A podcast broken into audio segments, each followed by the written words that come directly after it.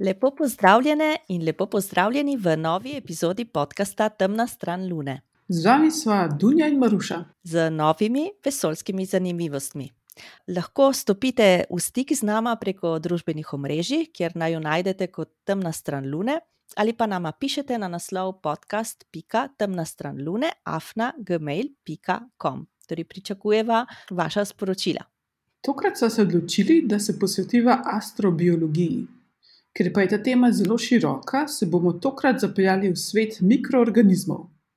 In to takih mikroorganizmov, ki lahko preživijo tudi v zelo neprijaznih okoljih, kjer običajno ne najdemo življenja. Takih okolij je v vesolju veliko, zato so ti ekstremofilni mikroorganizmi zelo zanimivi za vse, ki se sprašujemo, ali obstaja življenje v vesolju. In ker o tej temi ne veva dovolj, sva se obrnili do tokratne gostje, ki nama je razkrila marsikatero zanimivost in sva res uživali v tem pogovoru. Tokrat bomo torej najprej prisluhnili intervjuju z gostjo, potem pa še astronomskim novicam in predlogom za nočna in jutranja opazovanja. Prisluhnimo intervjuju.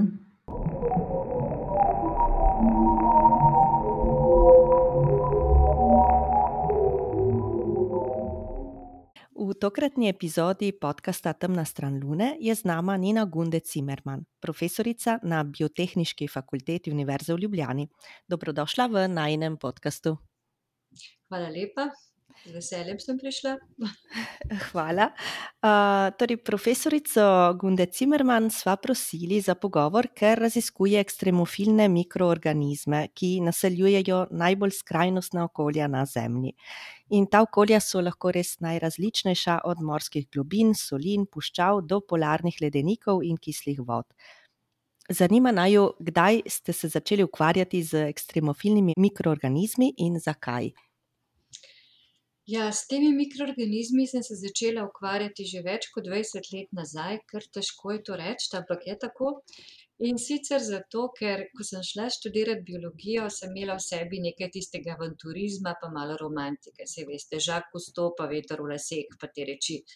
No, ampak ko sem začela delati eh, na, na inštitutu kemijskem, kjer je bila moja prva služba, sem ugotovila, da delam več časa v laboratoriju in vsega tistega, kar sem jaz imela predstav o tem, kaj biologija je, ni več. Bilo je zanimivo raziskovalno delo, ampak ne tisto, kar sem želela. In v tistem času so bile že znane raziskave ekstremofilnih organizmov, bakterij po svetu. Ampak tega je bilo zelo malo, to je bilo na samem začetku, nihče pa ni preučeval ekstremofilnih gljiv.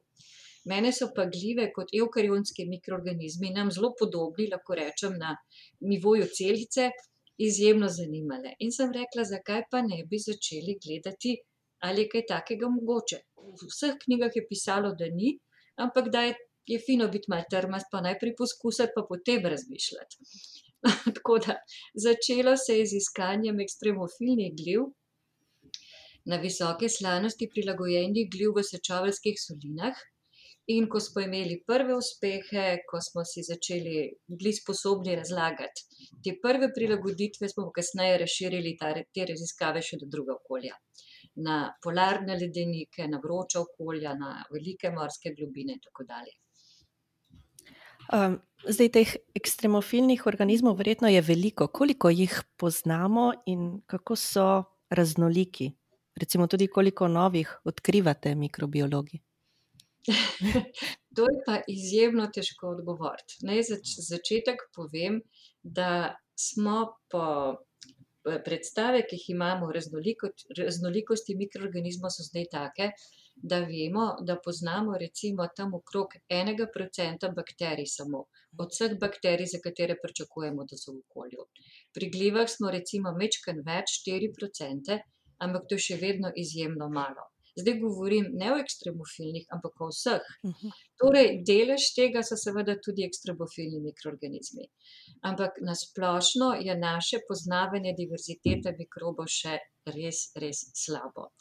In zato, kaj vse je zunaj, vemo predvsem posredno preko molekularnih metod, ki temeljijo na tem, da iz okolja izoliraš celokupno DNA in potem pogledaš tiste o tem mi rečemo filogenetske markerje, tiste označevalce, ki ti dajo pogled v to, koliko različnih organizmov je prisotnih. Se pravi, vidiš, koliko različnih jih je, gojiti znaš pa recimo en procent. Wow. Pa če mogoče samo še to dodam, samo pri glivah letno se vpiše, odkrije okrog tisoč tristo novih vrst gliv. No, to zdaj globalna številka, ne, ampak Mhm. recimo, mi smo pa preko let našega raziskovanja, v v ekstremnih okoljih tudi mislim, da že vpisali okrog štirideset novih vrst gliv, torej štirideset gliv ima ime, ki smo ga podelili. to so res ogromne številke. kaj pa prvo življenje na Zemlji, recimo, a so bili prvi organizmi na Zemlji tudi ekstremofili? Absolutno, ker že Zemlja na samem začetku je bila zelo ekstremno okolje. Prva stvar, atmosfera je bila seveda popolnoma anoksična. Ne, kisik se pojavi tam šele po dveh milijardah let. Se pravi, nič kisika. Druga stvar so bile zelo visoke temperature. In življenje na Zemlji se ni pojavilo do tistega časa, da so se temperature do te mere ohladile, da vsa voda ni ni bila prisotna samo v obliki pare. Dokler je bilo to, pač življenje na površju ni bilo možno, ampak to so bile vseeno izjemno visoke temperature, tam okrog sto stopinj. No, potem poleg tega so bila, sevanja, meteoriti, zelo močne UV-sevanje, ker ozonskega ščita ni bilo, kozmično sevanje, skratka, res hudi pogoji. In Zemlji, na Zemlji se je pojavilo življenje, tako da imamo dokaze za to, da se je, v fosilizirani obliki. No, najstarejši dokazi tovrstni so iz obdobja tri cele osem milijarde let. In to so mikrobne celice, bakterijske, ki so ujete v sedimentne kamnine. To so take kamnine, ki še danes nastajajo lahko recimo v takih plitvih lagunah po svetu, v Avstraliji pa tako. Se pravi, to so mikroorganizmi, ki se usedejo, oblikujejo tak mikrobni film na površju kamna.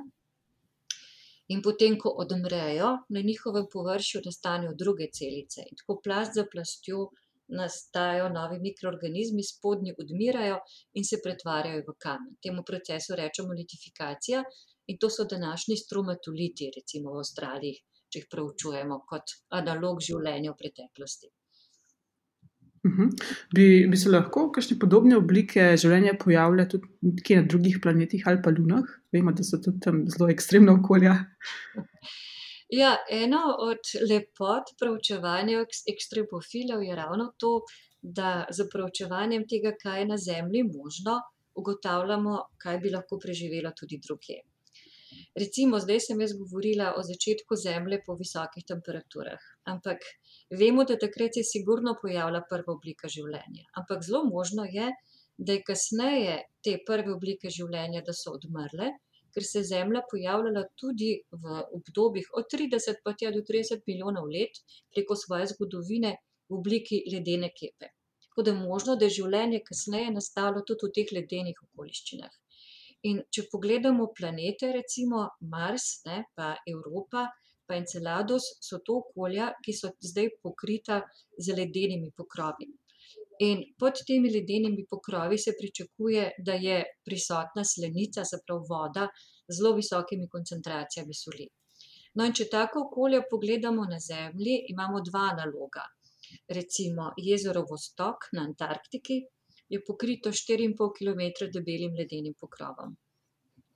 In ko so izvrtali vrtino štiri kilometre v globino, praktično do tistega akrecijskega ledu, v stiku s to slanico spodaj, so v tej vrtini, tej ledeni vrtini, našli različne mikrobne celice. Tudi take, prilagojene na visoke temperature, se pravi, izgleda, da je spodaj termalna aktivnost med drugim. Se pravi, na hladno prilagojene in na visoke temperature. Zdaj pa če pogledamo izjemno slano vodo, kot je tam pod tem ledenim pokrovom, pa tudi vemo, da je življenje v mrtvem morju. V mrtvem morju, recimo, kot en tak najbolj značilen primer, je slanost, dvanajstkrat do štirinajstkrat višja kot recimo v morski vodi. Zlasti poleg natrijevega klorida, kuhinjske soli, je prisoten še magnezijev diklorid, ki je še bistveno bolj problematičen za, žive mikrobne celice kot natrijev klorid. Se pravi, v teh ekstremno, skoraj nepredstavljivih pogojih ker namreč visoke količine soli vežejo vodo, ne, se pravi, Mhm. voda v mrtvem morju je praktično vsa biološko vezana. V teh sušnih, puščavskih razmerah, čeprav je to v vodi, organizmi preživijo. Se pravi, lahko mirno rečemo, da kombinacija ledenega pokrova in spodaj slanega okolja na Zemlji funkcionira. Tukaj na Zemlji se pojavi življenje in s tem sklepanjem se gleda kandidatne planete. Mhm. A poznamo potem, mislim, da ste ravnokar omenjali, ampak poznamo potem ekstremofile, ki preživijo ali pa se prilagodijo tudi več različnim ekstremnim okoljem, torej ne samo slanemu, hladnemu, vročemu, torej so lahko sežejo v oba ekstrema mogoče. Pr. Ja, je ta kategorija ekstremofilov se imenujejo poliekstremofili, se pravi Mhm. prilagojeni na več skrajnosti, vendar je pa to seveda bistveno težje, kot pa prilagoditev na eno samo skrajnost. Mhm. Mogoče samo še kot izraz, da omenim, da poleg ekstremofilnih organizmov poznamo tudi ekstremotolerantne organizme. Te so mogoče še na nek način zanimivejši, ker ekstremofili se prilagajajo na en sam ekstrem. Recimo, če govorimo o visokih temperaturah, hipertermofili živijo v temperaturi od 80 stopinj, pa tisti najbolj skrajni do 123 stopinj. Se pravi, če je temperatura 70, ker je precej vroče, ne preživijo več. Ne? Hiper, te- te termotolerantni organizmi pa živijo v zelo velikem razponu, tudi pri zelo visokih temperaturah, ampak bolje pri nizkih. Enako velja za te prilagojene na mraz. Ne? Če gremo recimo v Himalajo, imamo tam mikroorganizme, ki so po, po zimi izpostavljeni skrajnemu mrazu, poleti so pa popolnoma pregreti, lahko rečemo. To je na nek način težje. Mhm. Pa da se vrnem na vaše vprašanje. No, eno tako zanimivo poliekstremofilno okolje, ki ga preučujemo, je okolje naših gospodinjskih naprav. Recimo eh, pomivalni stroji, ne, so tako okolje, ko vi naložite posodo v stroj, pritisnete tisti gumb, temperatura gre na 60, če niste preveč eko naravnani, če ste nekaj drugega. Potem notri damo sol, notri damo te detergente, ki dvignejo pH tja do 12, kar je absoluten ekstrem. Potem so še mehanske strižne sile in vse to določeni mikrobi preživijo. Se pravi, te poliekstreme se prilagodijo. Torej, tudi v naravi seveda najdemo take, ampak eno tako okolje nam sem pred nosom, recimo, je zelo dober primer teh prilagoditev. Uh, no, zdaj pa se pomaknemo malo dlje v vesolje. Uh, imamo vprašanje glede zvezd, ki so v vesolju najbolj pogoste in to so pritlikavke. To so zvezde, ki so hladnejše in manjše od Sonca. Vemo pa, opazovanja kažejo, da bi imajo najbrž take zvezde največ planetov, in hkrati so pa take zvezde zelo aktivne in tudi ostanejo aktivne zelo dolgo. Aktivnost zvezd pa pomeni visoke doze sevanja. In mene zanima, kateri organizmi bi lahko preživeli dovolj visoke doze sevanja. Poznamo kakšne take na Zemlji?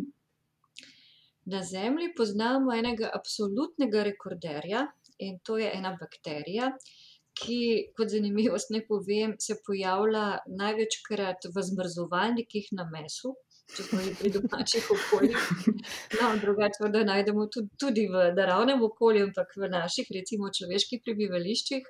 No, to je bakterija Deinococcus radiodurans, ki, kot že ime pove, prenese izjemne doze sevanja. Skratka, take doze sevanja, da je to tudi izjemno dober model za recimo razmišljanje okrog tega, ali bi lahko nek organizem preživel neko vesoljsko potovanje, naprimer zakopano nek meteorit, kar je temelj panspermalne teorije, ali pa recimo na enem takem, eh, rečemo, vesoljskem telesu, kot ste jih omenili.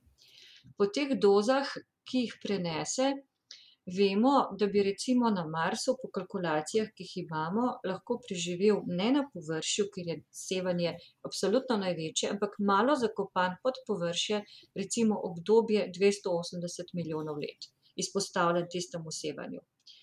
Zdaj, življenje na Marsu je veliko vprašanje, tako, ki nas vse, zdaj bi rekla, nam rekla, obremenjuje, ampak vse nas strašno zanima. In seveda se ogromno pričakuje od te misije, ki išče vzorce trenutno na površju. No, za, za Mars vemo, da je bilo življenje, ne da je bilo življenje, da je bila voda, ki bi omogočila življenje, tam nekje 4 milijarde let nazaj, takrat kot recimo na Zemlji. Potem je pa prišlo do meteoritnega udara, ker je povzročilo, da je voda vsa se pomaknila v notranjost, na površju, ker jo je pa zmrznila. No, vemo to, se pravi, 4 milijarde let življenjska celica ne bi morala, ne bi mogla preživeti. Pri Dejnokokusu sem to omejila na dvesto osemdeset milijonov let, ne, sem rekla, ampak vemo, da se ves čas dogajajo udari, recimo na Mars, in da se ustvarjajo novi kraterji, novi vulkani. Recimo najmlajši, da jaz zanj vem, je star tam nekje od enega do deset milijonov let. In ko pride do takega udara, pride tudi do kompresije ledu in posledica je tudi taljenje ledu. To pomeni tudi voda, voda kot tisti predpogoj za življenje. Torej, malo pod površjem, če bi se pojavila voda, bi v bistvu lahko našli življenje na Marsu tudi danes. In to se pričakuje. Samo v tej misiji se bodo morali omejiti bolj na površje, pa recimo največ meter globino, ampak na naslednjih se bodo pa verjetno, če zdaj ne bi bilo ničesar, ne, lahko najdejo tudi neke molekule, ki nakazujejo življenje, kasneje se bodo pa verjetno sposobni pomakniti tudi v malo večje globine na takih kraterjih, recimo. med drugim, ker omenjamo Mars, ste pred kratkim tudi objavili raziskavo o možnosti preživetja nekaterih mikroorganizmov v takem okolju. kateri so bili izsledki te raziskave? Ker mislim, da je omenjen ravno ta, mikroorganizem. Ja. In tudi, če se ne motim, tudi gliva za, za, s katere delamo pivo, ni tako? Tudi pivska kvasovka je, ja. Ja. Ja, torej poglejte, imeli smo kar, imeli smo ta Dejnokokus kot tak rekorder, kar se tiče radiacije, potem pivska kvasovka, kot ste omenili, no, potem so bile bakterije rodu Bacillus, zato ker se jih uporablja za testiranje, sterilnosti, da tako rečem, aseptičnosti teh plovil, ki se jih pošilja v vesolje, ne, se pravi, da se gleda, koliko preživijo, in potem še vsem znana bakterija, črevesna bakterija Escherichia coli. No, in na kratko, izsledki so pokazali, da ta Dejnokokus radiodurans, če je zmrznjen in izsušen, se pravi, če ni v v celici vode, če v takem dormantnem stanju, preživi praktično dvanajstkrat večjo radiacijo, kot če je celica, ima neki normalen metabolizem. Že celica z normalnim metabolizmom pri tej bakteriji preživi ogromno radiacijo. Ampak v izsušenem pa še toliko večjo, ne. Se pravi, to je bil prvi izsledek. Da, da dormanca, vzpostavljena z izsuševanjem, zmrzovanjem, to bistveno poveča. In to so seveda pogoji na Marsu. Mrzlo in suho. To ti da vpogled, kaj bi bilo tam mogoče. Ker en od problemov teh misij je tudi to, da bi lahko bilo življenje zaneseno, marsovsko življenje zaneseno na Zemljo preko teh plovil, ne samo obratno, ne, če bi bilo to tako možno. No, ampak izsledek te raziskave je pokazal, da poleg tega fiziološkega stanja sta pomembni še dve zadevi. Eno je, da ima organizem, posebno, posebne encime, ki se spopadajo z, s prostimi kisikovimi radikali, jih deaktivirajo, zato je superoksid dismutaze tak encim. Poleg tega pa, je še mikroorganizem sposoben delati ene take zaščitne proteinske komplekse, se pravi, taki kratki proteini z manganom, ki ščitijo oksidacijo proteinov. To so zdaj ti pogoji. Dodatno je bilo pa ugotovljeno, da je premosorazmerna preživelost s število kopij genoma v celici. Se pravi, več kopij lastne dednine ima mikroorganizem, bolj je sposoben se prilagajati, popravljati te napake, do katerih pride zaradi sevanja. No, in ta Dejnokokus ima recimo osem kopij genoma in lahko sproti popravlja svoje napake. Pivska kvasovka, ki se je pravzaprav zelo dobro odrezala, relativno gledano, ima pa dve kopiji, ne, se pravi, tudi do neke mere lahko pomaga. Te, Bacillus, te, te bakterije, ki se jih pa uporablja za testiranje, imajo pa samo po eno kopijo. In zato se človek sprašuje, ali so res najbolj primerni organizmi za testiranje tega, kaj lahko v vesolju preživi. Preživijo zelo visoke temperature, to jih recimo denokokus ne. In ker danes mi steriliziramo oziroma naredimo tako, da so pogoji čim bolj aseptični na površini teh plovil z visokimi temperaturami, iz tega stališča je primeren organizem. Ampak iz stališča, kaj lahko preživi drugje ali pa kaj bi lahko zanesli nazaj, pa mogoče ne najbolj in bo treba malo prilagoditi v bodoče te, ja, testne organizme, recimo, tem izsledkom. Veliko vprašanje je iskanje življenja na tujih planetih in lunah. zdaj pa, ko že ravno govorimo o Marsu, a je možno, da smo mi na Mars prinesli kaj z roverji, recimo, bi lahko kaj preživelo? vemo tudi, recimo, da so druga plovila, na primer Voyager, v vesolju že več kot štirideset let. je možno, da je še zmeraj kaj preživelo na takih plovilih? Je štirideset let, je možno, mislim, ni izključeno, po tem, kar vemo. Tega, da bi, da, da nič ne bi preživelo, ne moremo reči, vemo, da na notranjih delih lepo preživijo razne glive in povzročajo težave, kontaminacije in tako naprej. Na zunanji strani, če je bilo res štirideset let kaj na zunanji strani preživelo, ne vem. Ni izključeno, sploh ne. Kar se pa tiče Marsa, recimo denokokus bi eno obdobje najbrž tam lahko preživel. To ti izsledki, te raziskave kažejo. Ne sicer, če bi sterilizirali površje z, s toploto, kot se zdaj počne, in bi bil na zunanji strani, potem ne, ampak lahko bi ga zanesli iz notranjosti tja, ne, se pravi, da bi ga prenesli do tja in bi potem prišel v zunanje okolje. Torej teoretično ni izključeno, je možno. Pred leti so astronomi na podlagi rezultatov opazovanj sklepali o prisotnosti fosfina v Venerini atmosferi. in mislim, da hipotezo celo o možnosti življenja v Venerinih oblakih je že leta tisoč devetsto sedeminšestdeset predlagal Carl Sagan. kako možno je življenje v oblakih, torej niti ne na površju, ampak v oblakih Venere ali pa podobnih planetov?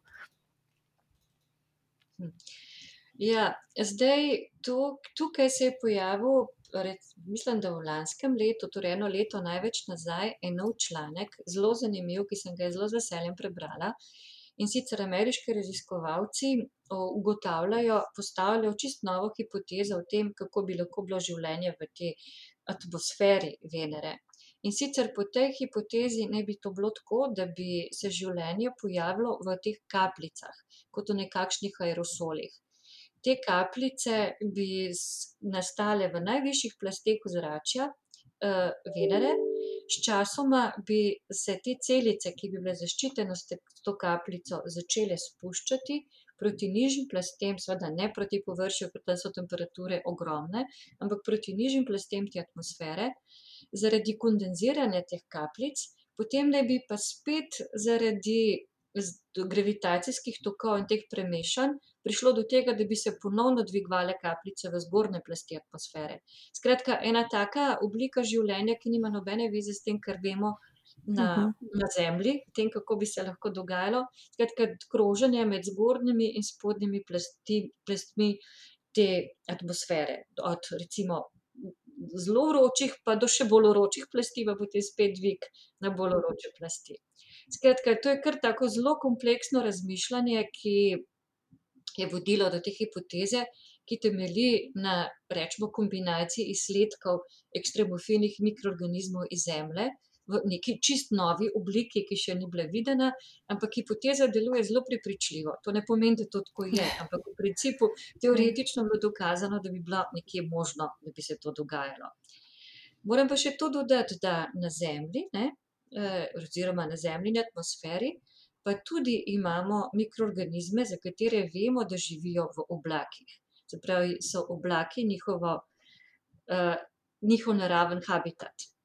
To pomeni, da tudi v tem okolju, če pomislimo, kakšno okolje je to, so vzpostavljeni z zelo visokim sevanjem, nizkim temperaturam, ne, zaradi dviga, potem zelo oligotrofnim pogojem, se pravi praktično nobenih hranil, in se prevažajo s temi oblaki naokrog in potem določeni lahko tudi povzročajo nastanek nukleacijskih ledenih jeder. To pomeni, da v obliki snežnih padavin, bolj snežnih padavin kot dežja, lahko padejo na Zemljo. Se pravi, en tak tok se ustvarja. O tem se v bistvu zelo malo ve, ker zelo malo ljudi to proučuje, ampak več se ve, več se vidi tudi povezav no, z, recimo, z polarnimi področji, z odlaganjem na ledenikih in podobno. Wow, res zanimivo. Um, tukaj pa nas v, v Sončju um, raziskujemo, oziroma iščemo življenje tako, da pošljemo rover in um, delamo raziskave. Medtem ko iskanje življenja izven našega osončja je pa veliko bolj zakomplicirano, ne moramo tja poslati roverja. Ali mogoče obstaja kakšen drug način, recimo spektroskopsko opazovanje atmosfere planetov, da bi lahko zaznali življenje tam? Kako bi to naredili? Ja, tukaj nekaj, seveda obstajajo take. Obstajajo tako posredne dokaze, ampak veste, na koncu vedno pridemo do tega, da to ni dovolj. Ne? Da tisto, kar se išče, so sledi bioloških molekul. Neke take biološke morfne molekule se, se je našlo tudi v kozmičnem prahu, recimo fosilnem kozmičnem prahu, postanki kozmičnega prahu, tudi v meteoritih, ampak vedno pridemo do tega, da zelo verjetno bi lahko kaj bilo, ampak ne moreš pa zagotovo trditi. Mhm. Zlasti, kadar imaš take zmesi, kjer so prisotni oglik, vodik, dušik, eh, kisik recimo, ker je tudi osnova oglikovodikov, naftnih derivatov, vidiš tudi te amorfne mase lahko, ampak vedno je to premalo, malo zmanjka. Se pravi, tisti res korak, vse posredne dokaze, nekje, če bi to vzeli, lahko tako imamo, ampak tisti končni dokaz, da pa še vedno fali. Mhm. Ja, zato bo verjetno potrebno še počakati. Uh, profesorica Gunde Cimerman, res najlepša hvala, da ste uh, se nama pridružili in nama razkrili marsikakšno zanimivost o um, mikroorganizmih in o ekstremofilih nasploh. Najlepša hvala, profesorica, da, sta, da ste bila z nama in, uh, ja, in upam, da, da se bomo še kdaj uh, o tem. In o podobnih temah pogovorili. Hvala lepa. Z velikim veseljem. Hvala vam.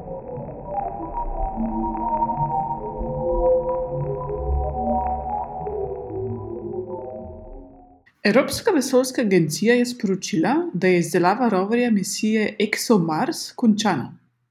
Plovilo je pripravljeno na izstrelitev in bi v vesolje moralo poleteti že septembra letos in sicer v sodelovanju z Roskosmosom, vendar je ESA sodelovanje z Rusijo zaradi neskladja z evropskimi vrednotami prekinila. ESA tako pospešeno išče alternativne možnosti za izstrelitev, rover pa bo do takrat varno pospravljen v skladišču v Italiji. To je prvi evropski rover, njegova naloga pa bo iskanje sledi preteklega življenja na Marsu in sicer z vrtanjem do dveh metrov pod površje. Rover je drugi del projekta ExoMars. Leta 2016 so namreč že izstrelili Trace Gas Orbiter, ki bo istočasno preučeval metan in ostale z življenjem povezane pline v Marsovi atmosferi. Rover je poimenovan po angleški kemičarki in rentgenski kristalografinji Rosalind Franklin, ki je v zgodnjih šestdesetih letih prejšnjega stoletja igrala ključno vlogo pri odkritju dvojne vijačnice DNK-ja. Na krovu bo imel laboratorij, poimenovan po Louisu Pasteurju, ki bo z različnimi inštrumenti iskal sledi biomolekul in bioznakov preteklega življenja. Zadnja odprava na Luno s človeško posadko v okviru nasilnega programa Apollo je bila Apollo sedemnajst leta tisoč devetsto dvainsedemdeset, ko sta se po površju sprehodila poveljnik Eugene Cernan in pilot lunarnega modula Harrison Schmitt, medtem ko je Ronald Evans pilotiral komandni modul Apollo sedemnajst v lunini orbiti. Od tega je minilo že več kot petdeset let in pri Nasi so se odločili, da je čas za vrnitev. Njihov ambiciozen program Artemis je nov projekt, katerega glavni cilj je ponoven obisk Lune s človeško posadko in v okviru katerega bodo na Luno poslali prvo žensko in prvo temnopolto osebo. Načrtujejo vzpostavitev stalne postaje z mednarodno človeško posadko na luninem površju, imenovano Artemis Base Camp, in postaje Gateway v lunini orbiti. To bo omogočilo obsežen program raziskovanja luninega površja in seveda ekonomskih koristi, kar bo služilo tudi kot poligon za testiranje in priprave na kasnejši obisk Marsa. Program Artemis, ki je poimenovan po Apolovi sestri dvojčici iz grške mitologije, bodo sestavljale štiri misije. Osemnajstega marca je raketa SLS Space Launch System, ki bo v vesolje ponesla plovilo, plovilo Orion v okviru misije Artemis 1, prispela na izstrelitveno ploščad v Kennedyjevem vesoljskem centru na Floridi. Prvi vikend v aprilu načrtujejo generalko, ki bo vključevala točenje goriva in odštevanje do izstrelitve. Po končanih testih bodo raketo premestili nazaj v delavnico, kjer bodo zamenjali dele, obrabljene med generalko, napolnili baterije in izvedli še zadnje meritve. Izstrelitev Artemisa 1 je predvidena že za junija letos. Bo še brez posadke in bo Luno obkrožila in se vrnila na Zemljo, Artemis 2 pa naj bi na Luno že popeljala tudi ljudi. Projekt poteka v sodelovanju z Evropsko in številnimi drugimi vesoljskimi agencijami. In če ostanemo še na Luni, uh, zgleda, da človeštvo ni ravno zgledno, saj svoje vesoljske smeti v resnici odlagamo tudi na Luno. 4. marca je na oddaljeno stran Lune padla pogonska raketa oziroma del rakete, in to je prvi človeški izdelek, ki je nenamerno zadev Lunino površje. Proti Luni je leta 2014 uh, ta raketa ponesla misijo Chang'e 5D1, uh, ki se je kasneje srečno tudi vrnila na Zemljo. Raketa pa je odtavala in zgleda jo je ujel Lunin gravitacijski privlak. Vesoljske smeti, ki so problem okrog Zemlje, bi lahko postale tudi problem, če bodo v bodočih misijah trčile na površje Lune.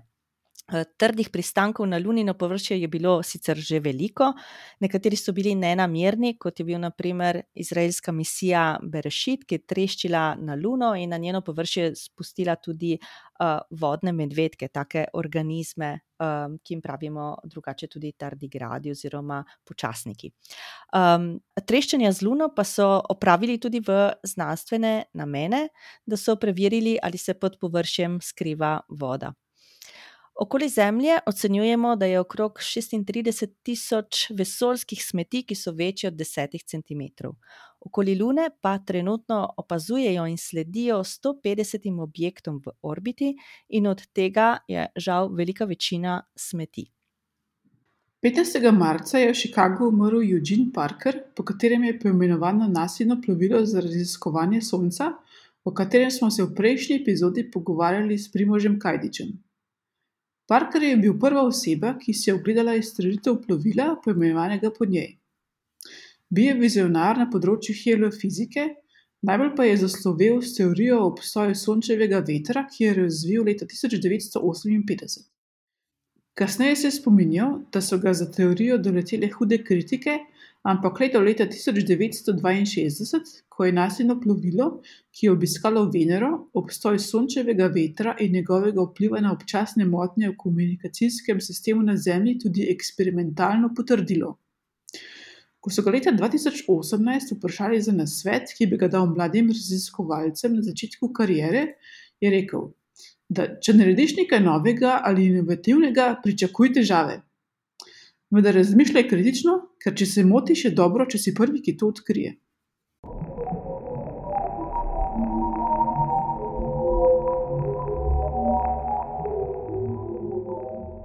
V letošnjem aprilu boste lahko na nebu opazovali predvsem planete in to v jutranjih urah. Danes, v ponedeljek 4. in v torek 5. aprila, bo tanek lunin krajec potoval mimo kopice gostosevci. Gostosevce to je slovensko ime za kopico, odprto kopico Plejade, lahko zlahka opazite s prostim očesom. Lunin krajec bo viden nad zahodnim obzorjem, približno dve uri po sončevem zahodu v bližini Gostocevcev. Proti koncu aprila pa se bo Luna srečala z nekaterimi planeti. Uro in pol pred sončevim vzhodom bo nad vzhodno-jugovzhodnim obzorjem lunin krajec potoval mimo Saturna. To boste lahko opazovali v nedeljo in ponedeljek 24.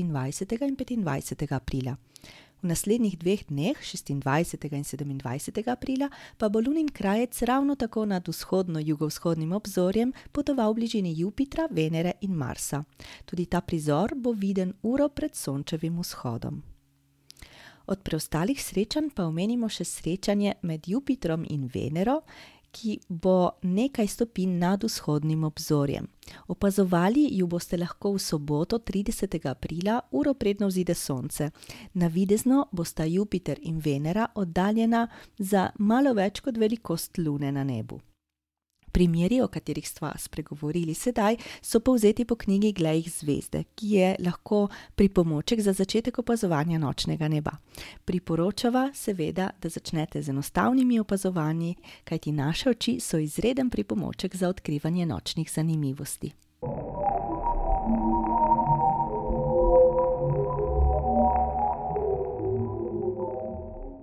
Temna stran Lune je podcast za vse, ki vas privlači vesolje. Novo epizodo objaviva enkrat mesečno, vsak prvi ponedeljek. Na podcast se pa lahko naročite v vaši najljubši aplikaciji za poslušanje podkastov. Tokrat sva se o mikroorganizmih, ki bi lahko naseljevali vesolje, pogovarjali s profesorico Nino Gunde Zimmerman. Gosti se zahvaljujeva za prijeten pogovor.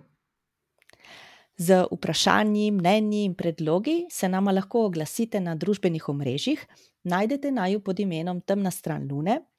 Pišete pa nama lahko tudi na e-mail naslov podcast.temnastranlune.afna.gmail.com. Podcast napišite s K-jem.